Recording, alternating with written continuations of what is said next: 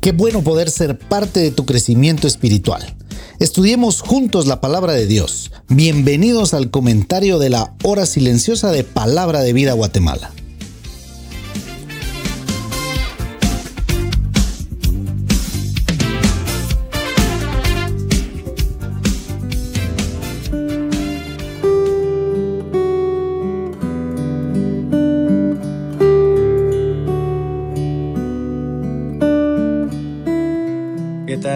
Querido hermano? Buenos días. ¿Listo para comenzar un nuevo lunes?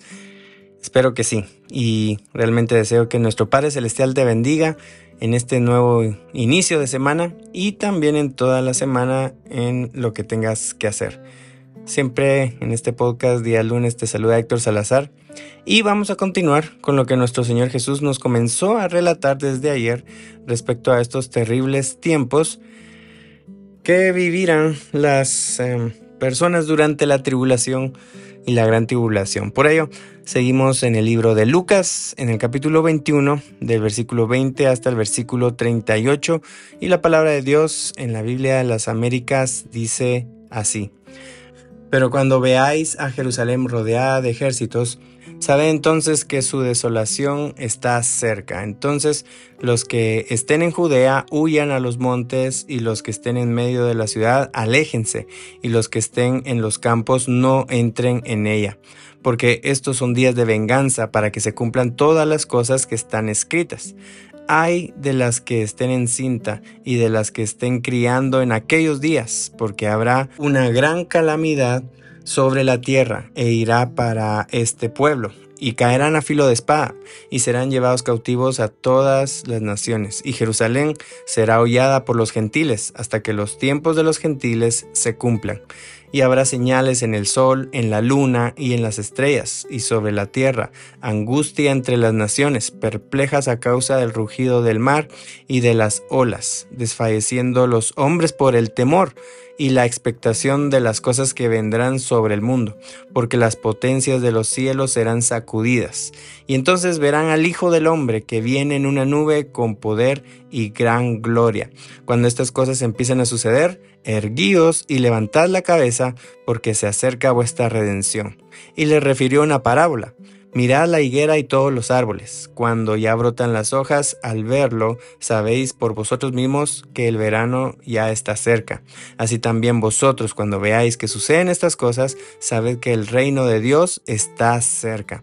En verdad os digo que no pasará esta generación hasta que todo esto suceda.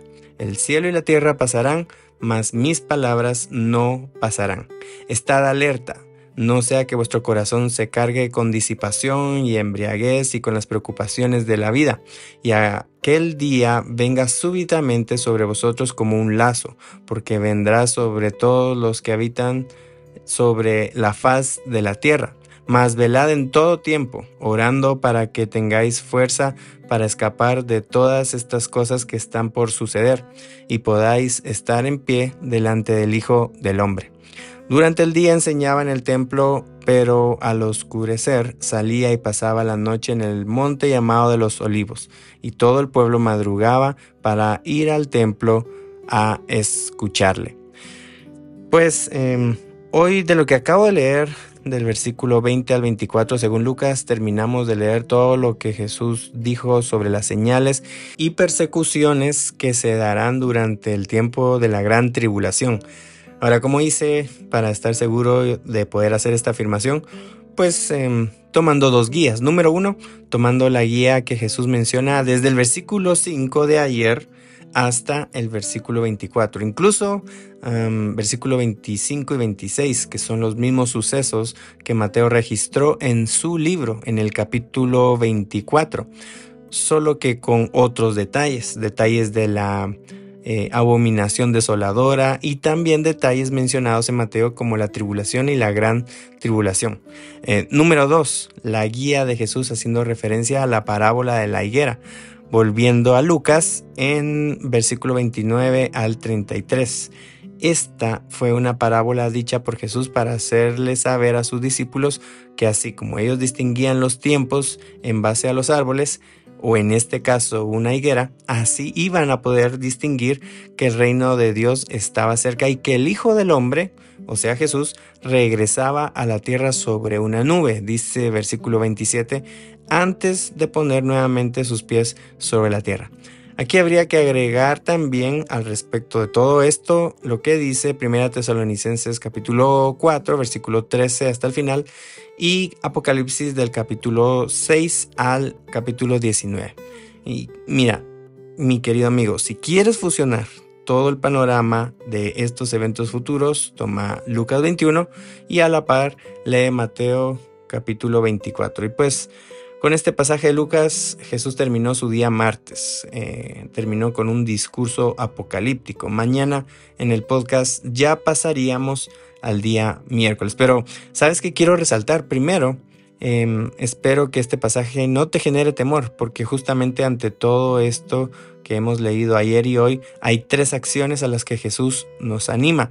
Primero, versículo 9, que leímos ayer, Dice, y cuando oigáis de guerras y sediciones, o sea, disturbios, dice, no os alarméis, no se aterroricen, dice la Biblia de las Américas.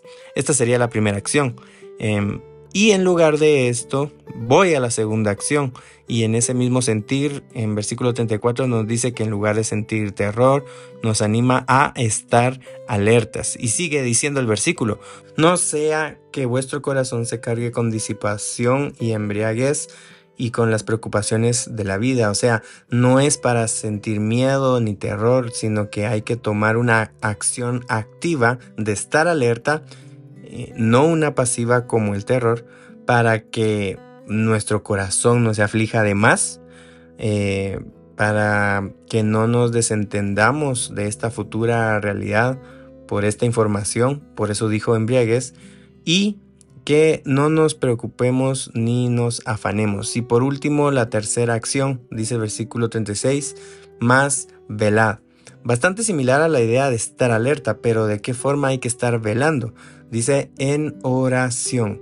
Va a ser la oración la que va a fortalecer a las personas que tengan que pasar por esos duros tiempos de tribulación, pero nosotros en nuestros tiempos es la oración la que nos sostiene en tiempos de tristeza, de preocupación, de desánimo, en tiempos difíciles. Por eso, vívelo.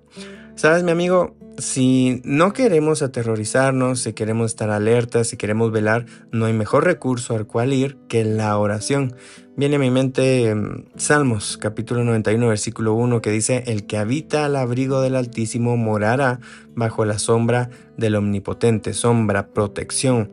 ¿Y, y cómo uno logra habitar bajo el abrigo de nuestro Altísimo Dios? Pues orando. Si estos temas te ponen nervioso o con algo de miedo, eh, esto no es para sentir miedo. Y si lo sientes, ve a orar. Em, también Salmo 56, 3 dice, en el día que temo, yo en ti confío. ¿Y cómo uno logra confiar más en Dios? Orando. Te hago una pregunta, ¿cuánto tiempo estamos o estás pasando en oración? ¿Ah? Sabes, aquí termino este podcast, eh, pero te dejo un desafío. Si por el tema de este pasaje o cualquier otro tema piensas que sería bueno ir a orar, ve a orar. No hay nada mejor para el alma que pasar tiempo en oración.